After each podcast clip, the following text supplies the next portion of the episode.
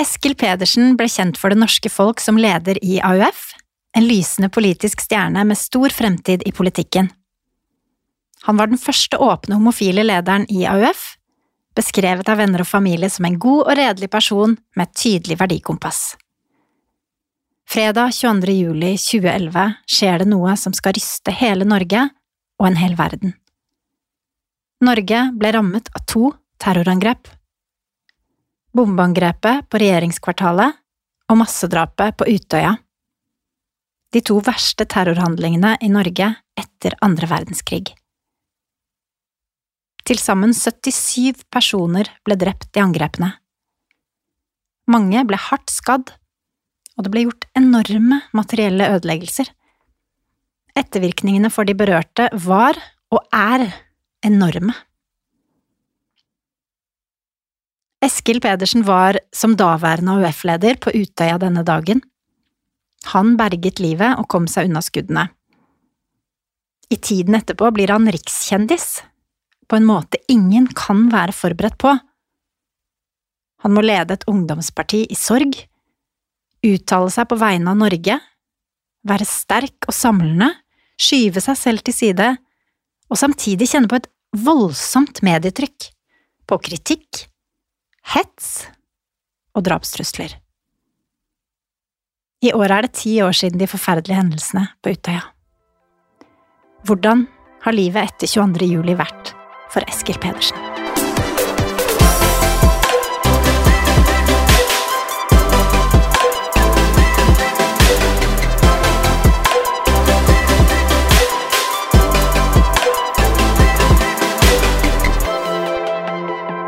Eskil, velkommen. Tusen takk. Hvordan har du det? Du, jeg har det veldig bra, egentlig. Det er jo Oslo har gjenåpnet. Man kan dra ut og ta en utepils og dra på restaurant, og det er helt fantastisk. Og det er sommer, sol og sommer. Uh, og så er det litt sånn spesiell tid også, fordi at uh, vi nærmer oss tiårsmarkeringen for 22. juli. Uh, så, så, det um, går mye fokus med til det. jeg gjør mange intervjuer og og det er jo en tung materie, liksom, så, så man blir ganske sliten av det. Um, så syns jeg samtidig at det er fint å, å, stille opp, bidra. Det er viktige historier som må frem. viktig at ikke vi glemmer. Så, så, det er meningsfullt, men det er også, også litt tungt. Du, Siden august i fjor så har du jobbet som nordisk kommunikasjonsdirektør i Santander. Mm. Bank, altså. Mm. Hvordan er det? Du, det er veldig spennende. Um, uh, og, og, jeg har egentlig alltid hatt lyst til å jobbe i, i en bank. Uh, så er det litt sånn tilfeldig at, jeg, at, det var der jeg havnet. Det er mye tilfeldigheter i livet mitt som har gjort at jeg, at jeg havnet der jeg havnet. Men uh, det er en stor organisasjon, spennende å jobbe med med hele Norden. Selv om jeg fra politikken egentlig har både vært mye og, og samarbeidet mye med kolleger i, i de nordiske landene, så, så, er det på en litt annen måte nå. Men jeg sitter jo selvfølgelig da på hjemmekontor da, og har gjort det hele tiden. Jeg har knapt møtt en kollega. Så, og jeg tror når man skal beskrive jobben sin, så beskriver man på en måte mye av mye av, det rundt også, altså hvordan det sosiale er, og hvordan det er å være med kollegaene dine på kontoret, reiser du, du drar på. Eh, og jeg har ikke opplevd noe av det, så jeg har spøkt med de, de nye kollegene mine at, eh, at hadde, vi, hadde vi kjent hverandre igjen på gata Vi har jo bare sett hverandre på Teams. ikke sant? Eh, er du to meter høy eller 1,50? Så For Hvilken dato var det du begynte jobben? Begynte 20. august i fjor. Ja. Eller først, ja, starten av august i fjor. Altså 2020, rett og slett? Mm. Ja, Så du har, du har, rett og slett kun sittet på hjemmekontor? Yes. Har ikke møtt en av dem? Nei. Det er veldig spesielt. Ja, det er veldig spesielt. Så, så jeg, jeg syns jobben er veldig gøy. Det er spennende å jobbe med, med bank, eh, men det er klart at eh, det eh, blir fint å kunne møte folk igjen på kontoret, og, og, eller møte kolleger i det hele tatt. Hvordan er det å jobbe med finans, da? Altså jeg det, er, det, er, tilfeldig at jeg havnet der, men, men, men, jeg har hatt lyst til å jobbe i bank. fordi at jeg tenker at altså, jeg trives å jobbe med noe som, hvor jeg føler at jeg kan være med å påvirke og endre noe. Og um, det er klart at uh, bank er jo, selv om vi kanskje ikke tenker så mye over det, så er det ganske viktig i folks liv. Altså, eh, man er avhengig av, eh, av eh, en bank mange ganger i livet sitt. Og hvis vi skal gjøre noe med de litt sånn store utfordringene i samfunnet, klimakrisen da, f.eks., så er vi veldig avhengig av at, at finansnæringa investerer i grønne, i grønne, ting. Så det å få lov til å være med å påvirke det internt i Santander og og være litt sånn aktivist eh, internt i jobben min syns jeg er veldig meningsfullt og spennende. Men så er du ikke helt ute av politikken, for du sitter i bystyret for Arbeiderpartiet i mm. Oslo. Mm. Og der sitter du i finanskomiteen. Ja. Hvordan er det, da? Du, Det er fint. Jeg, jeg øh, Når jeg gikk av som AUF-leder tilbake i 2014, så hadde jeg vel lyst til å gjøre noe annet, å jobbe i, jobbe i næringslivet. Um, så det syns jeg det, det, trives jeg godt med. Men det betyr jo ikke Jeg har vært aktiv i AUF siden jeg var 15 år. Uh, over halve livet. Mm. Uh, og uh, Så selv om du slutter å jobbe med politikk på heltid, så forsvinner jo ikke engasjementet ditt. så det å få være med å være med å bidra i politikken i Oslo. Oslo. Det skjer mye spennende i Oslo. Så det er, er, er veldig fint at jeg på fritiden får tilfredsstilt det politiske genet mitt. Da. Du jobber i bank, alt som er finans, og du sitter i finanskomiteen. Snakker jeg med en fremtidig finansminister? Eh, det tror jeg egentlig ikke. Eh, det har jeg i hvert fall aldri tenkt på. Eh, jeg syns det, syns det er fint å være med og ha ett ben i politikken, fordi jeg har gjort det i så mange år, og jeg vet hvor viktig politikk kan være. Men, men, men jeg trives godt med å, med å, egentlig jobbe med noe annet også, altså. Hvor stor er sannsynligheten for å se deg i f.eks. en statssekretærrolle til høsten hvis det blir eh, regjeringsskifte? Så det må du nok spørre de som bestemmer det om. Eh, men, men for min del så altså, Med hånda på hjertet kan jeg si at det tenker jeg veldig lite på. Og jeg måtte nok tenkt meg om hvis jeg skulle, uh, skulle gått inn i politikken igjen på, på, på, fulltid. Fordi politikk er mer enn en jobb. Det er en, en livsstil på veldig mange måter. Og man Eh, er eh, lever i det nesten sånn 24-7. Så jeg er den første til å si hvor viktig politikk er, og, at, jeg håper mange vil engasjere seg i politikk, bruke stemmeretten, alt det der. Uh, men å jobbe med, det på fulltid, det har jeg gjort i mange år. Jeg er veldig glad jeg har den erfaringen, for det var fantastisk, det også. Men, men jeg må tenke meg om om jeg, om jeg vil gjøre det akkurat der jeg er i livet nå. Men det er kanskje ikke helt usannsynlig at noen tenker på det? Kan hende noen tenker på det, men jeg prøver å tenke ikke så mye på det. Nei, vi får se. Ja. Eskil, i dag så skal vi jo snakke om hva som skjedde 22. juli 2011 og tiden etterpå. Men først så vil jeg bare skru tiden litt tilbake til 1984. Mm. I Porsgrunn, Porsgrunn sykehus. Der blir du født. Yes. Og så flytter dere til Eller dere bor i Skien, men du blir født på Porsgrunn sykehus? Ja, stemmer. Ja. Hvordan vil du beskrive oppveksten din? Den vil jeg beskrive som eh, harmonisk eh, og trygg, eh, og eh, så vil jeg si at den var veldig vanlig. Eh, og for meg er det eh, et, et sånn, en hedersbetegnelse, egentlig. jeg had, har, hadde mor og far og storesøster på ti år. Vi bodde i et lite rødt hus. Eh, syklet til fotballbanen, syklet til skolen, lekte i gata. Um, så jeg vil si jeg hadde en veldig fin uh, og, og, trygg oppvekst. Ja. Hvor tidlig begynte du å lefle med tanken på å gå inn i politikken? Altså, jeg, jeg meldte meg inn i AF i 1999, da var jeg 15 år. Um, um, og det, det, gjorde jeg, for jeg husker meg og en venninne, vi gikk hjem fra skolen, og mange dager så gikk vi og irriterte oss over ting. sånn Bussen kom alltid for sent, eller kinoen var dyr. og Så begynte vi å liksom snakke om å skjønne at dette var jo egentlig politikk, fordi at alt er politikk. Um, og uh, hadde lyst til å egentlig gjøre noe med det. da. Um, så vi, vi, var litt usikre på så Vi bestemte oss for å melde oss inn i et uh, ungdomsparti, men var litt usikre på akkurat hvilket. Uh, så da gjør man som man bør gjøre når man lurer på ting. Da spurte jeg mamma hva hun syns.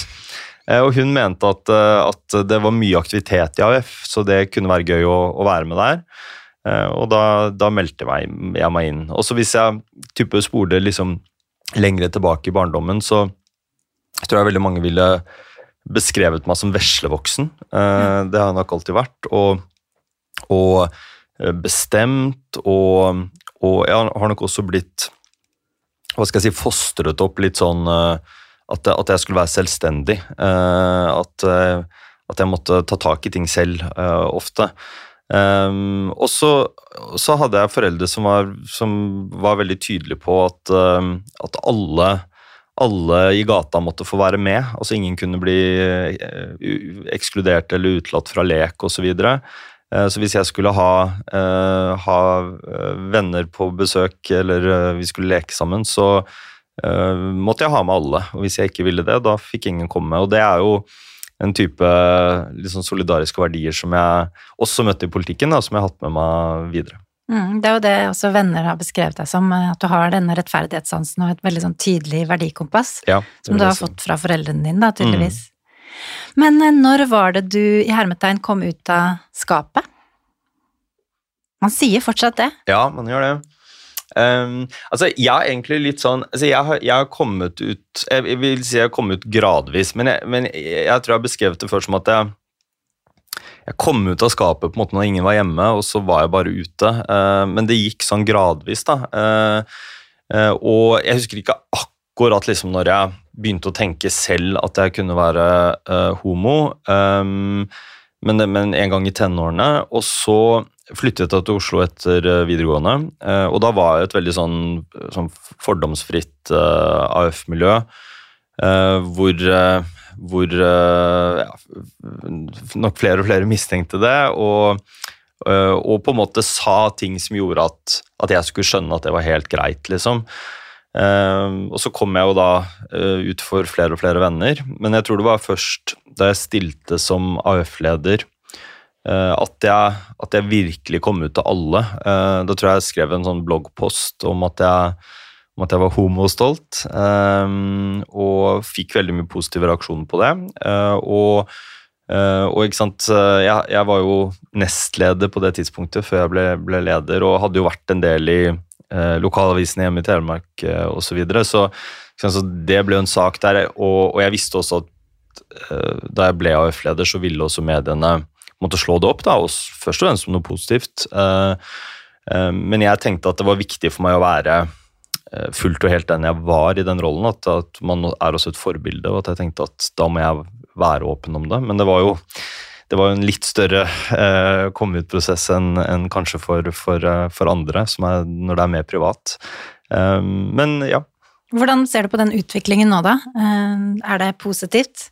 Altså, Jeg, jeg syns det er fantastisk å se veldig mange unge altså At folk kommer ut veldig, veldig tidlig mens de er veldig unge. Det, det sier jo noe om samfunnsutviklingen, da, at mm. det har blitt lettere. Eh, at uh, det er ikke sant, Man er i vennegjenger, og det er miljøer på skolene hvor, hvor det ja, det er jo bare helt naturlig, helt normalt, eh, og som det jo selvfølgelig er. og og det syns jeg er veldig flott. Um, men jeg tror vi skal på en måte vokte oss for å tro at liksom alt er alt er greit. Uh, I hvert fall vi som, som, bor i Oslo, da, som er en veldig tolerant by uh, hvor det kanskje er lettere. Og det er ikke mm. like lett uh, mange steder i landet. Så um, vi, vi, har fortsatt mye å, å, kjempe for.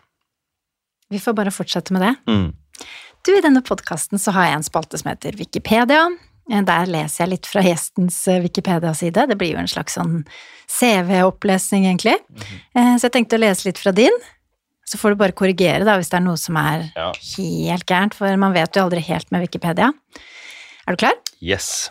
Eskil Pedersen, født 6.3.1984, er en norsk informasjonsdirektør og tidligere politiker for Ap. Du er strengt tatt fortsatt politiker for Ap da, i bystyret. Yes. Han var leder i Arbeidernes ungdomsfylking, AUF, fra 17.10.2010 til 19.10.2014. Høsten 2014 ble han ansatt som informasjonssjef i samvirkeselskapet Nortura. Så er du dag da kommunikasjonsdirektør i Santander. Det står ikke der. Han var leder i AUF i Telemark 2001 til 2004, leder i AUF i Oslo i 2006 og nestleder i AUF 2006 til 2010. Pedersen var medlem av Telemark fylkesting 2003 til 2007 og var medlem av Hovedutvalget for kompetanse. Han har også vært styremedlem i Telemark Nei til EU, nestleder i Skien AUF, politisk rådgiver i AUF med ansvar for valgkamp og miljøpolitikk, og var i 2007 til 2011 varamedlem i Oslo bystyre. Han er den første åpent homofile lederen av AUF. Han tapte en kampvotering om tredjeplassen på stortingslista på nominasjonsmøtet i Telemark Arbeiderparti høsten 2012 mot Christian Tynning Bjørnø. Pedersen ble valgt inn på syvendeplass. Han trakk seg som AUF-leder i 2014. Mm. Og så kommer vi da til angrepet på Utøya. I 2011 var Pedersen AUF-leder under den årlige sommerleiren på Utøya i Tyrifjorden i Buskerud. Den 22. juli 2011 ble sommerleiren utsatt for en massakre av Anders Behring Breivik. Og der stopper jeg. Mm. 22. juli 2011. Mm. Det er en dag som har gått inn i historiebøkene som det verste angrepet på Norge siden andre verdenskrig. 77 mennesker blir drept denne dagen. 69 av dem på Utøya. Og der var du som leder av AUF. Mm. Og da har jeg lest at du sitter foran TV-en i hovedhuset på Utøya, og du ser på nyhetssendinger fra eksplosjonen i regjeringskvartalet. Så kommer da rådgiveren løpende og roper at det er noen som skyter. Hvordan reagerer du da, og hva er det som skjer? Det var jo en veldig surrealistisk beskjed å få. Jeg tror jeg svarte 'hva er det du sier'? Ehm, så gikk jeg eh, Dette er jo annen etasje da, på dette hvite, hvite trebygningen med sånn rød Utøya-skrift som mange har sett på bildene. Så jeg sto i annen etasje der og gikk og åpnet verandadøra. Og da hører jeg jo uh, tydelige smell. Um, jeg har jo ikke hørt skudd før, uh, men jeg skjønner jo at, at, det må være det det er, da. Uh, og så går da rådgiveren min løper da ned igjen, um, og, og jeg lukker den døren. og og står i en del sekunder og, og, og, tenker. Jeg kan ikke huske nøyaktig hva jeg tenkte på. Det var jo en det var jo full forvirring, selvfølgelig. Um, jeg vet jo ikke noe mer, har ikke noe mer informasjon enn det. Jeg vet ikke om det er mange gjerningsmenn, eller om det er én, eller Jeg hadde ingen, ingen av de opplysningene på det tidspunktet. Og så husker jeg at jeg kjenner på en sånn dødsfrykt uh, som du må ha opplevd for å skjønne hvordan det er. Uh, uh, hvor hele kroppen mobiliserer. Uh, og så går det da noen sekunder, og så ringer telefonen min. Det er samme rådgiveren som, som sier til meg du må løpe ned i båten nå. Så sa jeg men hva er det som skjer? Og så sier, gjentar han på nytt du må løpe ned i båten nå. Ikke sant? Og det er jo noe med folk du kjenner godt, da, så hører du jo på stemmen hvis noe er eh, veldig alvorlig ment. Um, så da gjør jeg egentlig som jeg får beskjed om. Uh, jeg løper ned um, og ut på forsiden av det bygget. Og foran der så ligger det to livløse mennesker, uh, som er de første som ble, ble drept på Utøya. Det var da blant annet Monica Bøsei, ja. som var daglig leder og ble omtalt som mor Utøya. Ja, helt riktig. Som jeg jo kjente godt, da. Og jeg løper da på sokkelhesten videre. Det var jo en regnet jo den dagen. Det var uh, regnet kraftig, og jeg opplevde det egentlig som Jeg, jeg følte at det var sånn, litt sånn disig, tåkete. Og da jeg kom ut, så følte jeg Jeg har beskrevet det før som at et sånt teppe av død hadde lagt seg over ruta. Um, og jeg løper på sokkelhesten da ned mot uh, båten. Um, og jeg husker at jeg, jeg spente spente kroppen. For jeg, jeg, tenkte at nå ble jeg skutt. Uh, så jeg ventet på det skuddet i ryggen, da. Um, det kom aldri. Jeg løp uh, inn på båten. Uh, der lå det jo en del andre mennesker. Flatt på gulvet og sa du må legge deg ned. Du må legge deg ned. Um, og fortsatt så vet jo ikke jeg hva som skjer, så jeg, jeg spør om dette. Det råder selvfølgelig mye forvirring. Um, og jeg ringte politiet ganske med en gang og introduserte meg selv og fortalte hva som skjedde. Da hadde de allerede fått noen telefoner, selv om dette var ganske tidlig. Og, og få beskjed om at vi må komme oss i sikkerhet. Og jeg husker jeg også sendte melding til en, en som jobbet som statssekretær for Jonas i Utenriksdepartementet. Og, og sa at det er våpen desperado løs på Utøya, tror jeg jeg skrev. Flere skutt. Og Hun ringte meg da opp, og jeg fortalte henne hva som hadde skjedd. For, for at hun skulle forstå alvoret. Hun hadde vært på Utøya i barndommen sin, hun også. Så sa jeg at Monica er død. For at hun skulle forstå alvoret. Og så sa jeg denne Gry du må ringe alle. Som i at du må ringe Du, du sitter i regjeringen, du må, må, sørge for at politiet kommer så raskt som mulig. Og så øh, kjører vi da med båten over til, øh, til landsiden. Det råder jo stor forvirring. Um, og vi løper Når vi kommer i land, da, så løper vi opp på veien. Jeg husker øh, vi, vi løper jo fortsatt på sokkelesten ute i veien. Det var fredag ettermiddag. Det var, det var ganske mye trafikk. Uh, så bilene kjørte ikke så fort. Det var litt sånn kødannelse. Og vi løper og krysser veien for å komme på rett side. Og jeg føler jeg nærmest liksom tar Holder ned på panseret som en bil skal stoppe. Ja. Um, og, og, og, det var en kvinnelig sjåfør, og det, det føltes veldig trygt at det var en kvinnelig sjåfør. og vi vi sier til henne at uh, vi kommer fra Utøya, Utøya er under angrep. Uh, du må kjøre oss uh, til, til, nærmeste by, da. Og vi setter oss inn der. Vi, vi fordeler oss på flere biler. Um, og på det tidspunktet så ringer Jonas meg, Jonas Gahr Støre, som var utenriksminister, og hadde fått beskjed fra Gry om, om det som skjedde. og jeg forteller om hva som har skjedd, og, og så forteller jeg hvor vi er. og så sier han at da må dere kjøre til politistasjonen på Hønefoss. Uh, og da uh, hadde jo jeg fått beskjed av de andre om at det var en politimann som gikk rundt og, og skøyt. Uh, så jeg sa at vi kan, ikke, vi kan, ikke, dra til politistasjonen, vi kan ikke stole på politiet. Så sa han at det, jeg skjønner at du sier det, men det, det må dere gjøre. det kommer til å gå bra. og så husker jeg jeg la på, og så sa jeg til hun sjåføren at det var, det var jo For jeg tenkte hun må jo hva tenker hun eh, om oss? Vi syns jo dette er surrealistisk, hva tenker hun? Så jeg sa at det var, det var Jonas Gahr Støre, utenriksministeren i Norge, eh, som jeg snakket med, og han, han, sier vi må dra til politistasjonen på Hønefoss. Så gjorde hun Hun kjørte oss dit, eh, og vi kommer til politiet og blir tatt imot der og ført inn i liksom trygge rom på politistasjonen, eh, oppe i annen etasje. og så husker jeg at noen, noen, minutter etterpå så stilte politifolk i sånn full sånn Så ut som sånne kommandosoldater, sånn fullt sort utrusta med, med maskingevær, stilte seg på utsiden av politistasjonen for å vokte politistasjonen. Um, som, som, var helt, helt surrealistisk, da.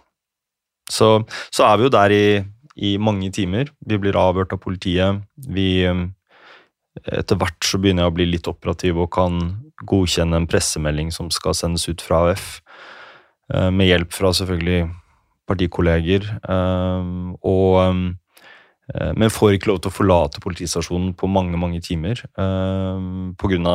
Altså, sikkerhet da, og frykt for sikkerhet. Så jeg kom jo da til Sundvolden hotell, der som alle overlevende og berørte var, samlet sent på kvelden. Det hadde blitt mørkt, det var sent på kvelden. Eh, og, og, møter da eh, resten av ledelsen min i AF og eh, flere tidligere både AUF-ledere, Anniken Huitfeldt var der, Gry Larsen hadde kommet fra Danmark. Og, og, vi er sammen den, utover den kvelden. Jeg, jeg går rundt, uh, snakker med, prøver å trøste uh, berørte, um, og, og blir sittende der utover kvelden. Hvordan vil du beskrive den jeg vet ikke om jeg kan kalle det stemningen, eller den følelsen som var på Sundvolden da? Det var, en, det var en blanding av mye. Det var en blanding av at folk var uh, veldig redde uh, fortsatt. Uh, den frykten satt jo i lang tid. mange, mange dager og uker. Eh, men definitivt den kvelden at vi var redde. Det var mye spekulasjoner i mediene om at det kunne være flere gjerningsmenn. Eh, mange som var på Utøya, opplevde at det var flere gjerningsmenn pga. lydene fra disse kulene som virka som kom fra overalt. Så det var stor frykt der. Og selvfølgelig veldig mange som ventet på beskjed da, om enten vennene sine eller barna sine. Og på, på, et tidspunkt vi, var veldig, vi, var jo veldig redde alle, da, så, men på et tidspunkt så fikk jeg liksom beskjed om at nå må du prøve å sove litt. Uh, og, og, og, fikk et hotellrom. Så tror jeg jeg lå nedpå i ti minutter før da Gry Larsen, som jeg hadde snakket med tidligere den dagen, ringte meg og sa du må komme ned, ned igjen. Og da satt vi inne i et rom hvor alle Det som skulle bli etterlatte, uh, foreldre som venta på svar. For da skulle politiet ha en pressekonferanse like etterpå og, skulle fortelle hvor mange som de frykta døde. Og da måtte de etterlatte, eller de, de foreldrene, få beskjed først. Hvis, da satt vi inne i det rommet med, med de foreldrene hvor politiet sa at det er 80 drepte. Så var jo det første tallet, da. Og, og, da var det et, det var et hyl i det rommet som, som, som knapt kan altså det, Jeg har aldri hørt det før, jeg håper virkelig jeg aldri hører det igjen. Det var for, for, for, helt forferdelig. Uh, for da, da, er det mange som skjønner, ikke sant. Um, så, så vanskelig å beskrive det, den stemningen, på en måte. Ja. Men altså For deg, da så tenker jeg at um, du er leder av AUF. Og AUF det er en organisasjon som var kjent for mange, ja, men eh, det var og er en ungdomsorganisasjon. Mye basert på frivillig arbeid, idealisme, engasjement, lite penger. Det er ganske smått, egentlig. Mm. Plutselig så skjer dette. Uh, du blir sett på som en leder som skal samle da tusenvis av berørte og sørgende en nasjon i sjokk. Du skal sette deg selv til side. Du må i tillegg tåle kritikk og beskyldninger ganske kjapt, bare noen timer etter dette, for din handlemåte. Egentlig en umulig oppgave. Hvordan vil du beskrive opplevelsen og tiden som da fulgte for deg?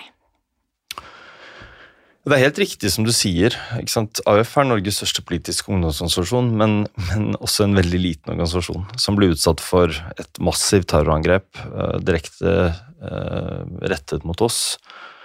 Um, og um, uh, vi satt jo da natta mot 23. og morgenen 23. Da satt vi på et på et rom. Eh, jeg hadde fått en drapstrussel allerede den, den, kvelden, så vi satt med Hvordan, eh, hvordan kom den? Det kom, telefon, på, det kom på SMS. Jeg fikk jo et hemmelig nummer etter hvert, men på det tidspunktet så hadde jeg ikke det, og da kom det på SMS.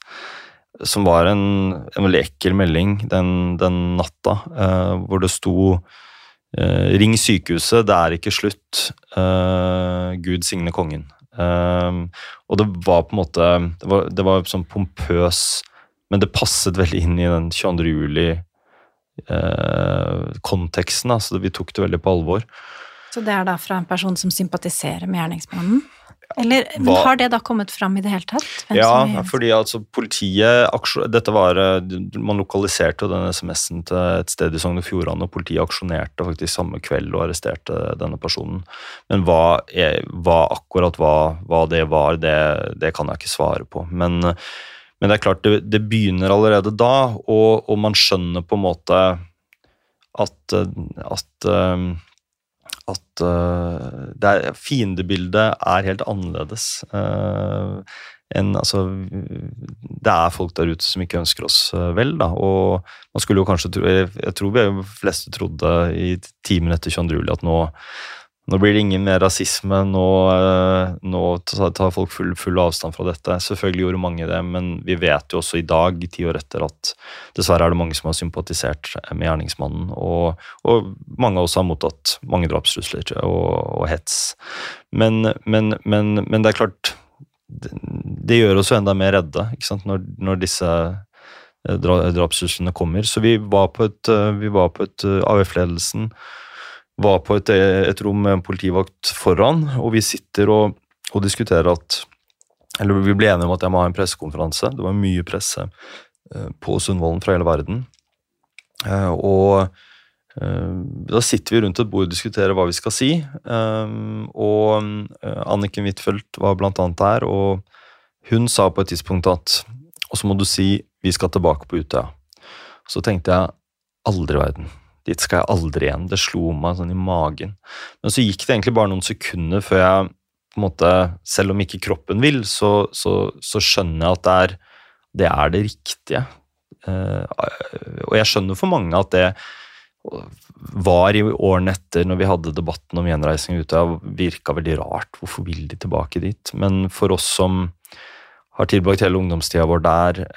Eh, det har vært AFSØ i tiår på tiår og har vært veldig viktig for oss. da. Eh, en sånn styrke i, i organisasjonen vår. Eh, så for oss så var det, selv om kroppen kanskje ikke ville, så var det i hvert fall intellektuelt liksom føltes det riktig. Så, så satte jeg meg i hjørnet på det rommet og så skrev jeg ned på papir en innledning til, til denne pressekonferansen hvor budskapet var at vi, er, vi, er, vi, er, rammet veldig hardt, men vi, vi er ikke knekt. Skal, ingen skal true AF bort fra, fra våre arenaer eller synspunkt, og, og, dette budskapet om at vi skal tilbake på Utøya. Og det ble jo veldig viktig. Det ble viktig både fordi det betydde jo i hvert fall to ting. Det betydde jo både at vi på en måte skulle ha dette helt konkrete målet om å Eh, gjenreise Utøya. Ehm, men, men, men også at det betyr jo også at gjerningsmannen ikke skal få lov til å definere hvordan Norge skal se ut etter 22.07. At det skal vi gjøre. Eh, og at eh, målet med terror er jo ofte å endre samfunnet, og det, det skal han ikke lykkes med. Og det ble viktig, tror jeg, for veldig mange av de berørte etterpå. Det er mange som beskriver den samme følelsen som jeg når de hørte meg si det. at mm Nei, det vil jeg ikke, men jo, og nå har vi et, har vi et mål. Um, men det er klart at det er jo som du sier, AUF ble jo, ble jo veldig uh, uh, Til tross for at man er en liten organisasjon, ble jo, ble jo veldig viktig og stor i, i, tiden som fulgte. Og, og, jeg og, og, mange av de andre tilsvalgte i AUF skulle på en måte bidra til å samle folk, eller samle folket eh, i, i, Norge. Vi skulle eh, være tidsvitner til hva som hadde skjedd. Eh, det var, var, mange krevende ting som ventet. Vi brukte jo den sommeren på Uh, intervjuer fra hele verden. Uh, alle disse arrangementene, minnemarkeringene. Vi reiste på sykehusbesøk. Vi måtte vi måtte velge hvilke venner vi skulle dra i begravelsen til, fordi at det var så det var mange begravelser samme dag på helt forskjellige steder i landet hvor det var umulig å være til stede på alle. Eh, Bistå politiet, etterforskningen. Valgkampen begynte en måneds tid etter. Det var in intenst og stort, og eh, vi fikk jo et eh, Vi fikk jo et veldig stort ansvar, da. Eh, og, og, jeg fikk også et veldig stort ansvar. Og så var det Det var selvfølgelig veldig krevende. Um, fordi at vi var også berørte og mm. hadde våre egne traumer å bearbeide. Uh, men det som var fint etter 22. juli, var jo at det opplevdes som at, uh, at, vi hadde på en måte hele folk i ryggen. Um, og det å være i rosetoget og tale for flere hundre tusen mennesker som, som sto der med roser, um, se den samme reaksjonen over hele landet Uh, all den Ja, jeg har fått hets og drapstrusler, men jeg har fått betydelig mye mer varme og omsorg uh, fra folk fysisk på gata eller, eller i, i, i ja, meldinger. Um, så det, det, det, føltes også at det var på det, vi, vi, følte at det var et håp der framme. At det var en grunn til å stå opp om morgenen likevel. Eh, til tross for det som hadde skjedd. Um, så definitivt krevende, og det skulle være krevende i mange år, men, men vi følte også at vi ble litt løftet opp av folk. da. Men du nevnte det jo, du fikk jo, vi kom ikke helt uh, utenom det, at du fikk uh, altså drapstrusler, hets, kritikk, telefoner uh, fra folk som sympatiserte med gjerningsmannen, Og du måtte også tåle kritikk fra journalister, faktisk, og media. Noe som også på en måte smittet over på deler av samfunnet. Mm. Du måtte gå med voldsalarm. Mm. Hvor lenge gjorde du det? Jeg gikk med den en stund, og så er det jo klart at sånn, rett etter 22. juli så tenkte jeg jo jeg kan Nå kan jeg aldri gå, gå på gata igjen, fordi at eh, altså eh, må, må, Vi var jo på Utøya det, det vi følte var det tryggeste stedet. Så når dette skjer, så rives egentlig hele grunnmuren av, av ting du tar for gitt, eh, vekk fra deg. Eh, Så alt kunne skje, var det vi tenkte. Så jeg, jeg tenkte jeg kan ikke gå på gata, for det kan være en snikskytter. Eh, og, og så er det jo klart at du følte vel også litt at du ikke kunne bevege deg fritt på gata fordi noen kunne tro at hvis du smiler nå, så Ja, man blir jo veldig, man blir veldig selvbevisst. Eh, Jeg husker jeg kunne gå på I dagene og ukene etter så kunne jeg gå på gata hvor sammen med andre overlevende. Eh, og så kunne vi snakke, og så kunne kanskje noen av de si noe morsomt, og så lo, lo noen av de, eh, andre. Men jeg følte veldig at jeg kan ikke smile, for dette, jeg blir gjenkjent. eh, Og da tenker kanskje folk Hvorfor sørger han ikke? Så jeg veld, ble veldig sånn selvbevisst og veldig opptatt av verdighet og alltid være i rollene. Jeg følte aldri jeg kunne være ute av den rollen som AUF-leder. Um, men, og, og det er klart vi også var vi, var vi var redde. Det tok jo en stund før jeg kunne sove uh, hjemme igjen, og sove alene. Og, Sov du hjemme, da? Nei, da sov jeg hos uh, I starten så sov jeg hos uh, en venninne. Um, og så, så gikk det en god stund. Jeg husker første gangen jeg skulle, sove, skulle være liksom hjemme og sove hjemme. Da, jeg hadde en venninne som jeg bodde sammen med da, um, i leiligheten min. Og, og hun, jobbet som, hun jobbet som bartender på et utested i Oslo.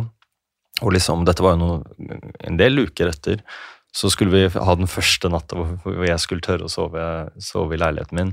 Og da øh, kom jeg til Da var jeg ferdig på jobb, og så kom jeg til henne, og så var det på uteserveringa der, og det var mange andre venner av meg som, som var ute der. Og så skulle jeg liksom vente på at hun skulle bli ferdig med skiftet sitt, for jeg torde ikke å gå hjem aleine. Så jeg, um, jeg um, eh, tok de, liksom de vennene mine så, spurte om jeg skulle ta en øl, tok, tok en øl og venta på henne, og så var hun ferdig, og så dro vi hjem.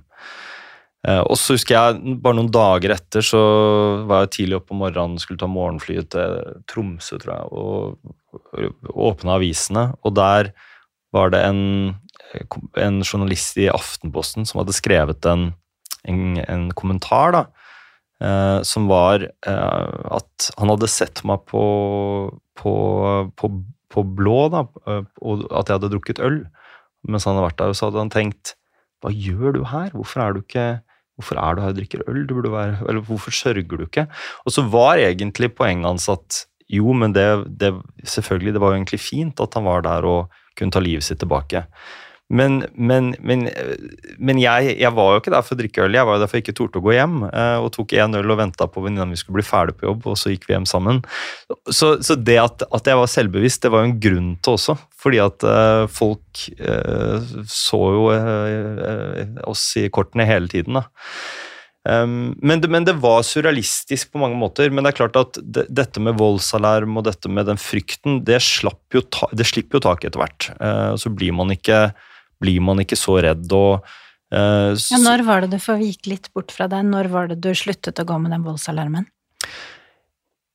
Jeg gikk med den uh, kanskje et, uh, et halvt år, eller kanskje opp mot et år. Um, men det var uh, Det var, det var li, også litt upraktisk å ha den volds- voldsalarmen, fordi at altså den, ble, den ble utløst så fort. Det var så lett den var, den var litt sånn innretta sånn at det var så lett å komme borti. Og når du har en sånn, så utløses den, så, så må du enten møte politiet, eh, type på, på en politistasjon, sånn at de kan se at du, er, at du har det bra, eller så, de komme, så kommer de jo til, dit du er. Mm. Så det har vært noen sånne utrykninger eh, rundt omkring i Oslo eh, noen ganger som, som jeg syns begynte å bli litt flaut i lengden. Eh, og, og eh, så, så på Jeg et tror vi må ta litt mer vann, for det er så innmari varmt her nå. Ja, det er det. Det er jo veldig lummert ute. Det er så varmt, ja. Og her inne er det ikke lov å ha på vifte, for det ødelegger lyden. Så da Nei, men ja, så da Men var du den eneste som gikk med voldsalarm, eller? Tror jeg. Mhm. Tror det. Uten at, Det vet jeg ikke 100 sikkert, men jeg har ikke hørt, hørt noen andre som har det. Men det um... Men eh, du, du var kanskje det, men du var faktisk um, Du var jo ikke den eneste som opplevde hets etter Mm. 22. juli, faktisk. mm. Hva kan du si om det?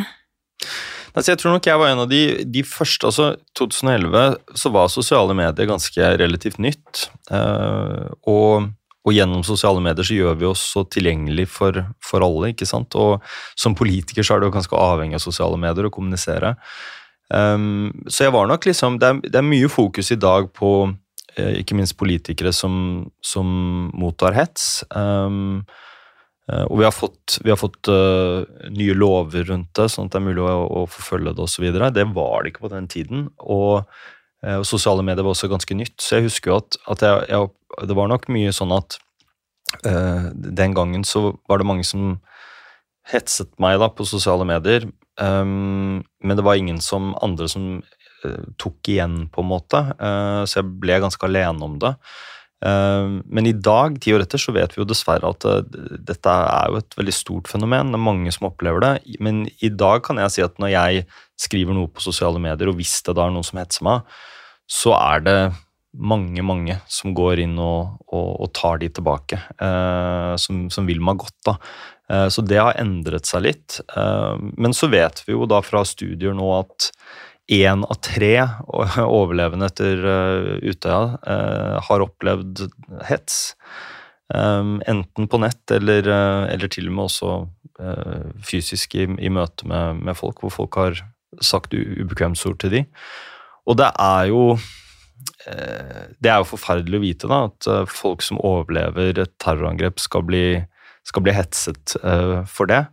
Og, og da kan man jo si at det har blitt et samfunnsproblem. Så det er jo, det er jo en skam, vil jeg si, for Norge at, at så mange har opplevd det. Men, men jeg opplever også kanskje at vi har blitt litt mer vant med sosiale medier, og flere har ryggen til oss, da. Eh, Sånn at sånn sett så har det blitt lettere.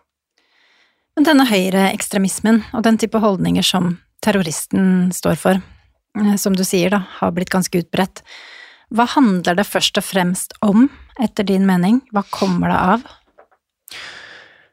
Det er nok, det er nok ehm, på en måte en lang historie der. Eh, det har jo alltid vært ekstremisme i verden.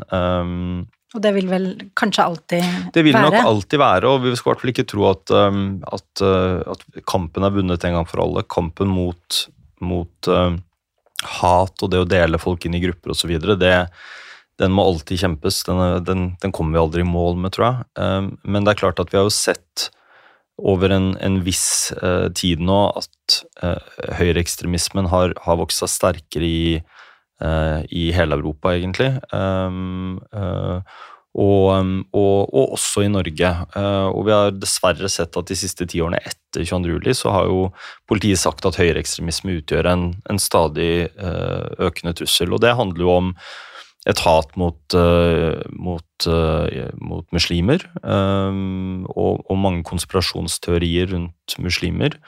Eh, konspirasjonsteorier om at Arbeiderpartiet eh, prøver å islamifisere Norge.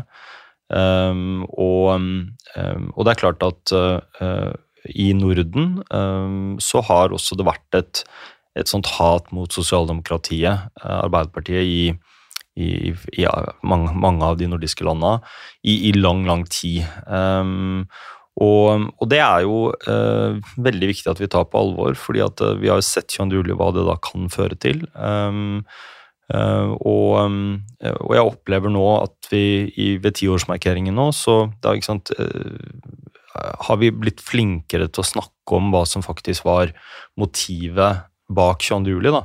Gjerningsmannen angrep Jeg forsøkte ikke å angripe Norge. Han forsøkte å med hans egne ord strupe rekrutteringen til Arbeiderpartiet. Um, og, og det er viktig at vi snakker sant om hva som skjedde 22. juli, sånn at, at, vi faktisk kan gjøre det vi kan for at ikke det skal skje igjen. Og da handler det om å, uh, å, å være tydelig på at uh, ja, det var absolutt et angrep på Norge og på demokratiet vårt, fordi jeg tror vi alle følte vi ble berørt av det. Um, men det var et målrettet angrep på AUF og Arbeiderpartiet. Um, så jeg vil definitivt si at det var et angrep på, på, Norge, men hvis man bare sier det, og ikke også er tydelig på hva faktisk motivet til gjerningsmannen var, nemlig å angripe AUF og Arbeiderpartiet, så, så er, forteller vi jo ikke sannheten om det som skjedde. Og jeg opplever at den debatten i større grad har kommet opp nå, da, eh, og at eh, flere også i de andre politiske partiene eh, er tydelige på det, og det syns jeg er, er positivt.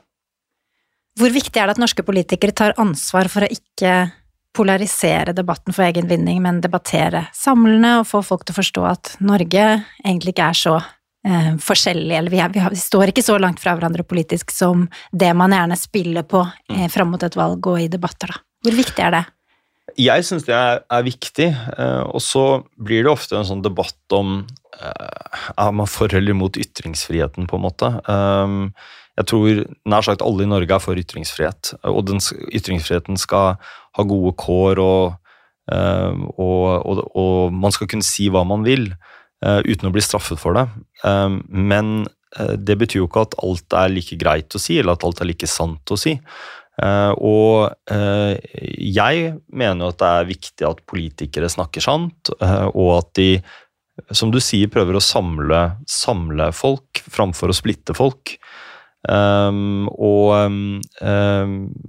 det har i hvert fall jeg et ønske om å bidra til. At vi ikke deler folk inn i grupper eh, eller setter folk opp mot hverandre. snakker om innvandrere og, og, nordmenn på en sånn splittende, polariserende måte. Fordi at det er naivt å tro at ikke måten de fremste politikerne våre snakker om, om folk på, at det også er med på å påvirke holdninger. Altså Ord har har betydning, ord har noe å si. Eh, og det har vi, har vi, så mange eksempler for gjennom historien. Mm. Og vi, vi, så det ikke minst rundt hvordan Trump uh, holdt på i USA. Mm. Og, og, og, hva det førte til i, i nyere tid nå, med stormingen av Kongressen.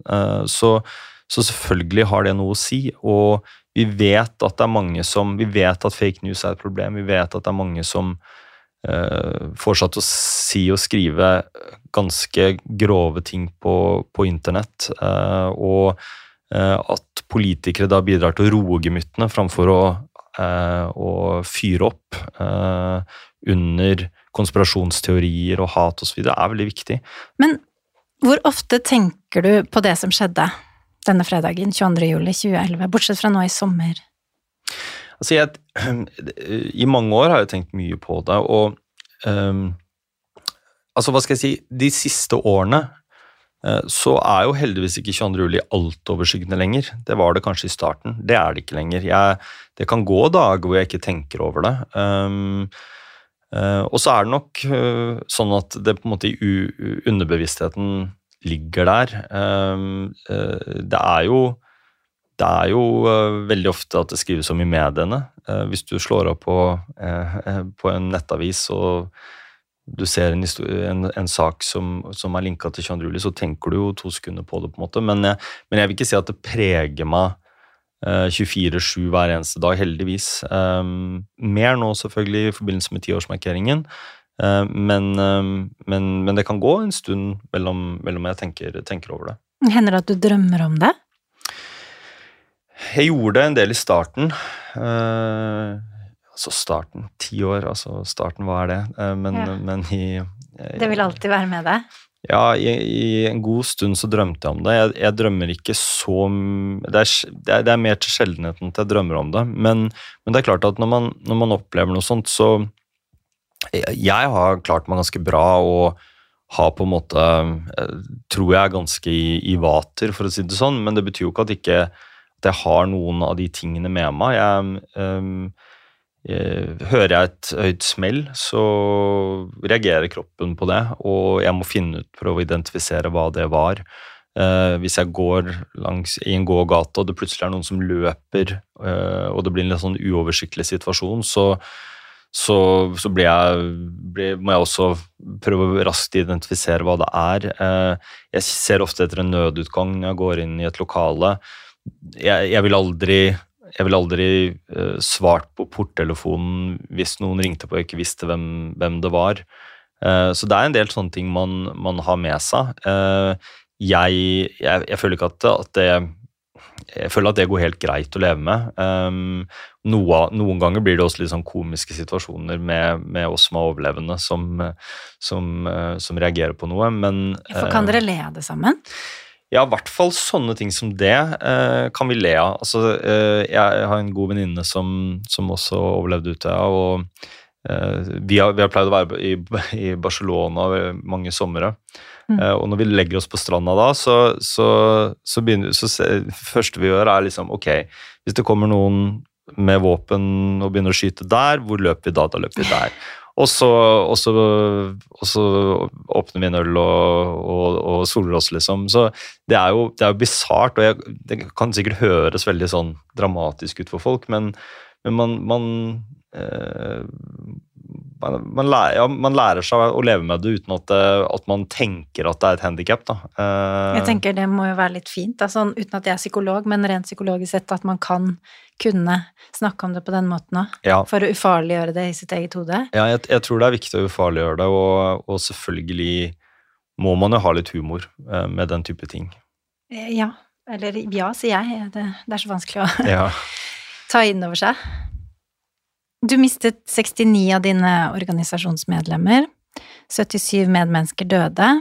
Eh, dere opplevde jo alle et sjokk ingen av oss kan forestille oss. Men du mistet også da en av dine nærmeste venner, Kristoffer, på Utøya. Har du noen gang fått tid til å sørge over ham?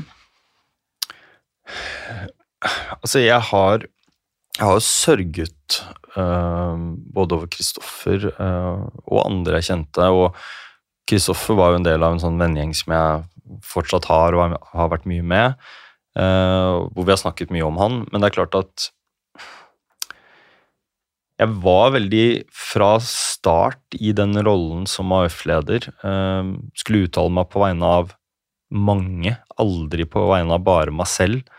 Eh, og vi tok et sånn veldig tidlig valg for i ledelsen om at vi ikke skulle i taler osv. Jeg holdt jo mange taler. Ikke skulle trekke fram en enkeltperson, fordi det ble umulig. Det var så mange. Um, uh, og, um, og, og, og, har vært veldig sånn bevisst på det alltid etter, da. Så jeg må nok ærlig si at, at jeg ikke har hva skal jeg si, bare sørget over Eller hadde man mistet en venn på en normal måte uh, eller Ingenting er jo normalt å, å, miste en venn i ung alder, men, men uh, at Hva skal jeg si en, Hvis én venn hadde dødd, så tror jeg da hadde man jo sørget mye mer over den personen. Men, men, men her var det da så mange mennesker som, som mistet livet. Mange jeg kjente. Og det gjorde det nok veldig vanskelig å finne rom for den der helt private, egne sorgen. Og i tillegg, Eskil, eh, så er det jo sånn at tre uker før 22. juli 2011 så dør faren din av kreft. Mm.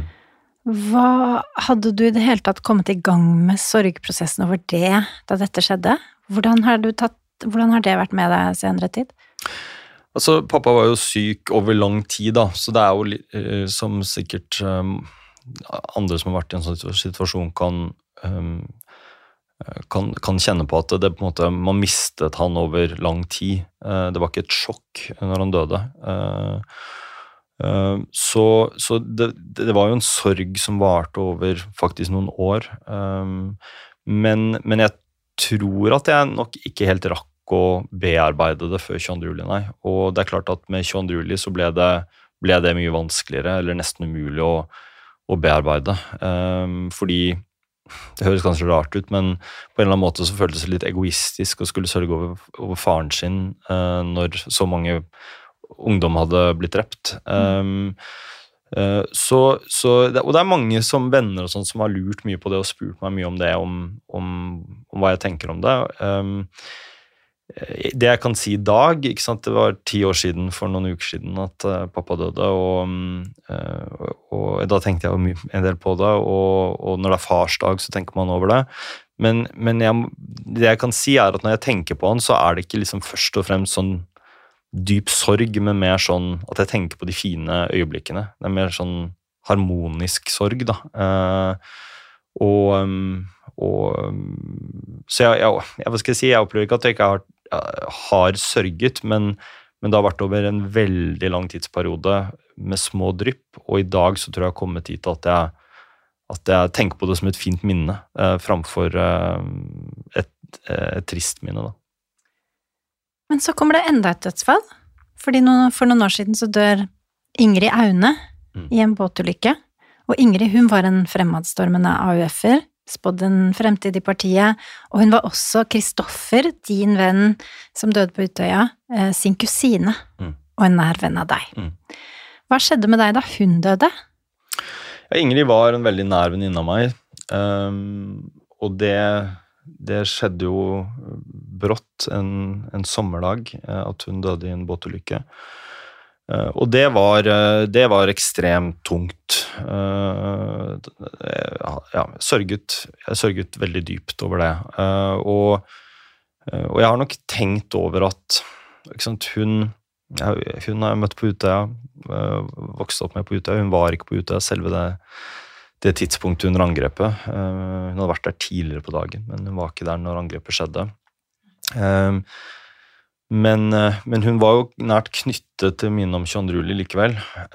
Så, så, jeg lurer Jeg har tenkt på om, eh, om på en måte sorgen over henne, som var definitivt over Ingrid, som var, var en nær venninne, men om det også dro opp en del av de, de følelsene etter Chandruli som, som aldri kanskje hadde helt kommet til overflaten. Da. Eh, og selvfølgelig den linken til Kristoffer eh, også.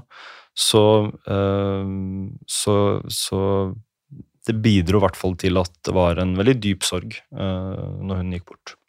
Mm. Du, i intervjuene jeg har lest av deg etter 22. juli, så er du veldig flink, syns jeg, og du sier det du skal si, og du er god på å fortelle at Jeg har aldri lest deg si noe annet enn at du er veldig god til å fortelle at det er alle andre enn deg som har hatt det mest ille, og venner eh, har sagt eh, at du aldri noensinne en eneste gang har klaget over hvordan du hadde det den gangen, eh, og har hatt det.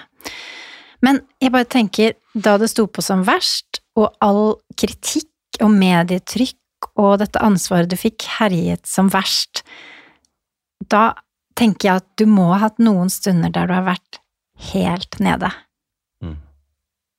Hva tenker du om det, eller hadde du det? Ja, altså jeg har hatt eh, Selvfølgelig jeg har det jeg, det, er jo, det, er jo, veldig mange ganger jeg virkelig skulle ønske at uh, at vi slapp alt dette, og at jeg slapp alt dette, og at vi Et intenst ønske om at ting hadde vært annerledes.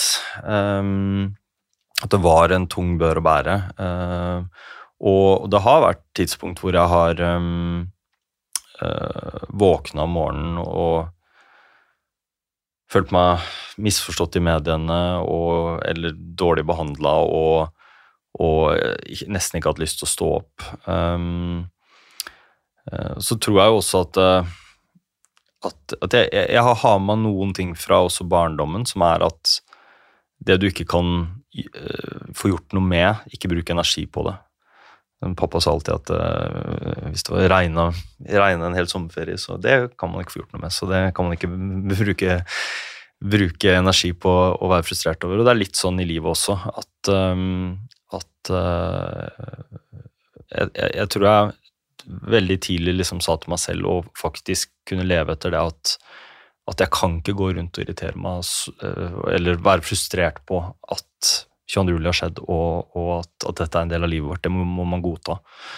Um, men det har selvfølgelig vært veldig uh, tunge stunder også.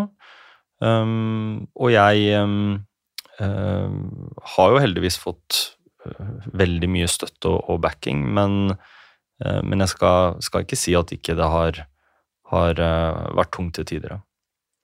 Jeg husker i hvert fall, Eskil, at jeg tenkte på deg den tiden. eh, Fordi i forhold til det at man skal jo ikke måle eh, sorg og smerte, og ikke sant, alle har jo sine ting. Eh, Og da husker jeg at jeg tenkte på deg da, og tenkte at jeg var litt bekymra for hvordan du hadde det den gangen. Mm. Men det er fint å høre at det, det går så bra. Um, hva er den største forskjellen på den Eskil Pedersen som eksisterte før 22. juli 2011, og den Eskil Pedersen du er i dag? Jeg håper og tror at veldig mye er likt, eh, og det er litt sånn Når jeg snakket om, om det med, med at terrorisme ikke skal få endre på en måte samfunnet, så er det jo litt sånn man må tenke om sitt eget liv òg. At eh, man, man vil bevare den man er, også før, før man opplever noe sånt noe. Eh, så jeg håper jo det, at vennene mine opplever at jeg er like tullete og uh, spøkete og, og leken som jeg, som jeg føler jeg uh, er innimellom, og, og, var også før 22. juli. Um, men, men, jeg må jo også si at, uh, at um, det er jo Selvfølgelig har det påvirket meg. Uh, jeg tror jeg er jeg tror jeg er mer jeg er mer alvorlig enn en det jeg var.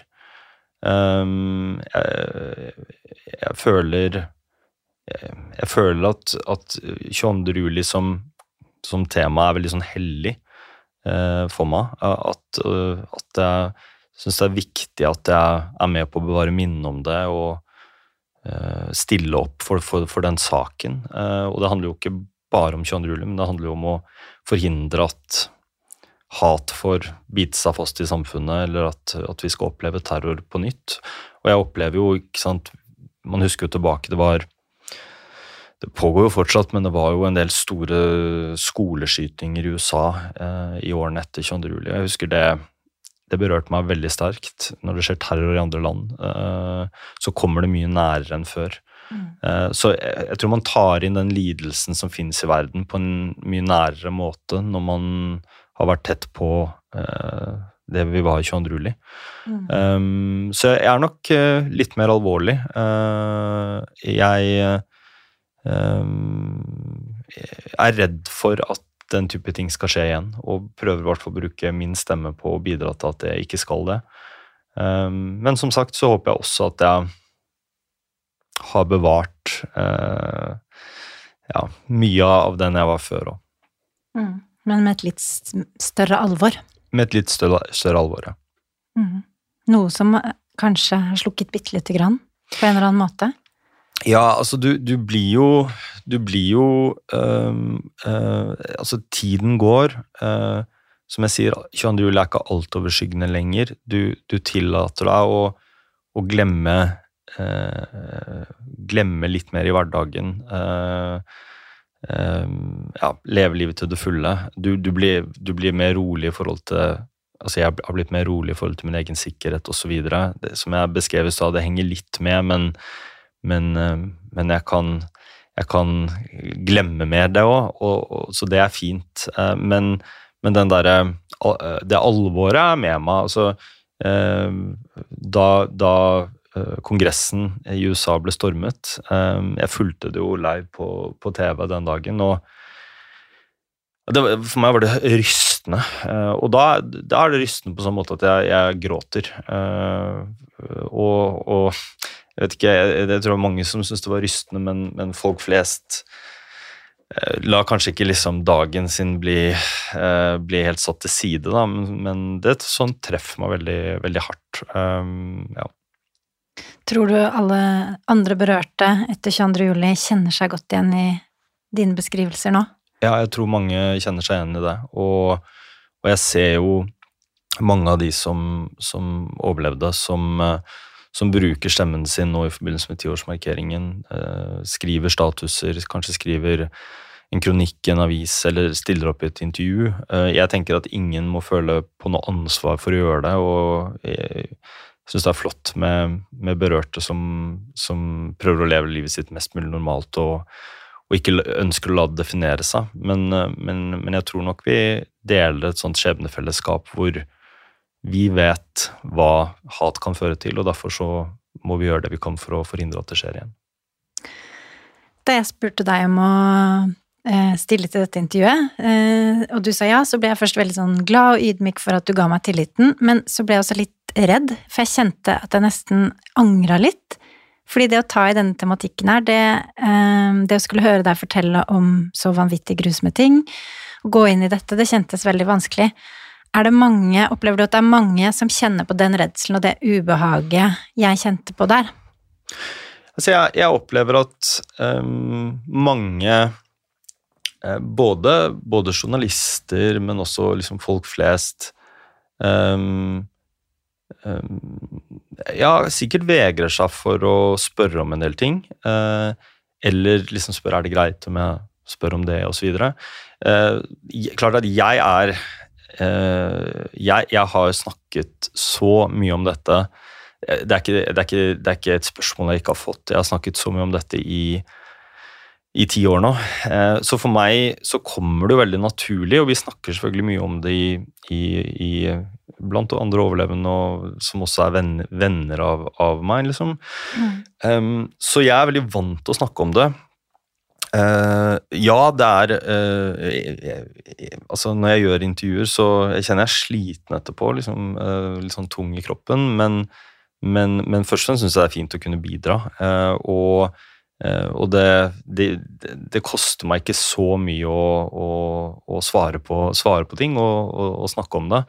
Men, men, jeg tror nok at det er en del som, eh, som Jeg merker det på kolleg, egne kolleger opp igjennom at, at de, er, de, setter pris på hvis jeg snakker om det, men de er forsiktige med å spørre. da.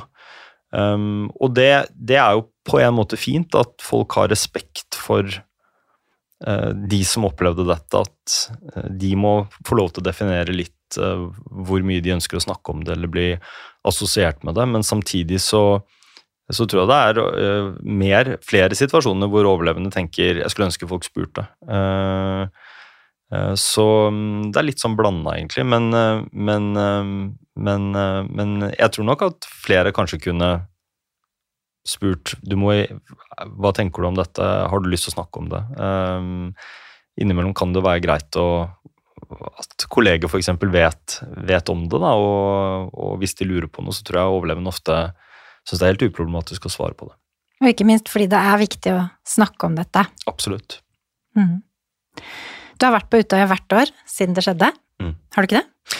Jeg har vært hvert år, bortsett fra kanskje ikke i fjor, pga. pandemien, så var det jo ikke var det jo ikke markering den 22. juli i fjor uh, på, på øya. Så jeg, litt, jeg lurer på om det kanskje ikke var i fjor. Jeg husker ikke helt. Du har allerede vært der nå i sommer, har du ikke det? Jeg har vært der et par ganger allerede, ja. Hvordan er det å være der? Det er um, For meg er det um, uh, Hva skal jeg si blanda. Uh, jeg syns jeg syns alltid det er en, en sånn spesiell ting å, å, å, dra dit og være der. Eh, det er liksom ikke, det er ikke blitt hverdagslig eller dagligdags for meg, selv om jeg sikkert er en av, av de som har vært der mest da, av de berørte eh, eh, de siste ti årene. Men, Når du drar dit nå, hvordan kommer dere dere dit? Nei, da, da, er det I båt? Ja, da er det båt uh, fra, fra, landsiden der. Så kjører man, uh, man, til en parkering der, og nå er det der man vanligvis, uh, vanligvis parkerer og kjører båt fra, er det jo byggeplass, for det bygges jo minnesmerke, men, men som provisorisk sted, da. Men, men, det er, så det er liksom litt sånn høytid eller alvor for meg å, å dra dit. Men, men, jeg var der nå i forrige uke. Det var en fantastisk solskinnsdag. Eh, hadde med meg noen som ikke har vært der før, og, og vi gikk rundt og, og viste fram øya. Og det har blitt veldig fint. Altså, det er jo et prosjekt eh, vi er stolt av å ha vært med på. At vi klarte på fem år faktisk å gjenreise Utøya. Og klarte den balansegangen mellom å minne, altså minnes det som skjedde, samtidig som man uh, legger til rette for, for, ny aktivitet og nytt engasjement, nye sommerleirer, uh, alt, alt, det som Utøya var før. Mm. Uh, og man har jo tatt vare på de fysiske sporene etter kulehullene i Eneste fysiske sporene, egentlig, i, som er i dag på, i, i kafé, gamle kafébygget, det er jo bygg, hegnet om i et nytt sånt hus som er bygget rundt. Eh, det har blitt et sånt eh, læringssenter hvor skoleklasser, konfirmasjonsleire kommer. Lærer om det som skjedde 22. juli, men også snakker om det på en måte i vår tid. da, At det henger sammen med hvordan vi bygger samfunnet vårt for å forhindre terror. Eh, vi har fått på plass et nytt minnested, eh, som, eller et minnested som er, eh, er fantastisk fint. Men vi har også bygget nye bygg hvor man kan ha sommerleiraktiviteter og Ja, det føles veldig flott å være der og se at vi har, vi har lykkes med det. Godt å høre. Mm. Eskil, tusen takk for at du stilte opp i podkasten og ville dele av din historie. Det setter jeg stor pris på. Det er veldig hyggelig. Tusen takk.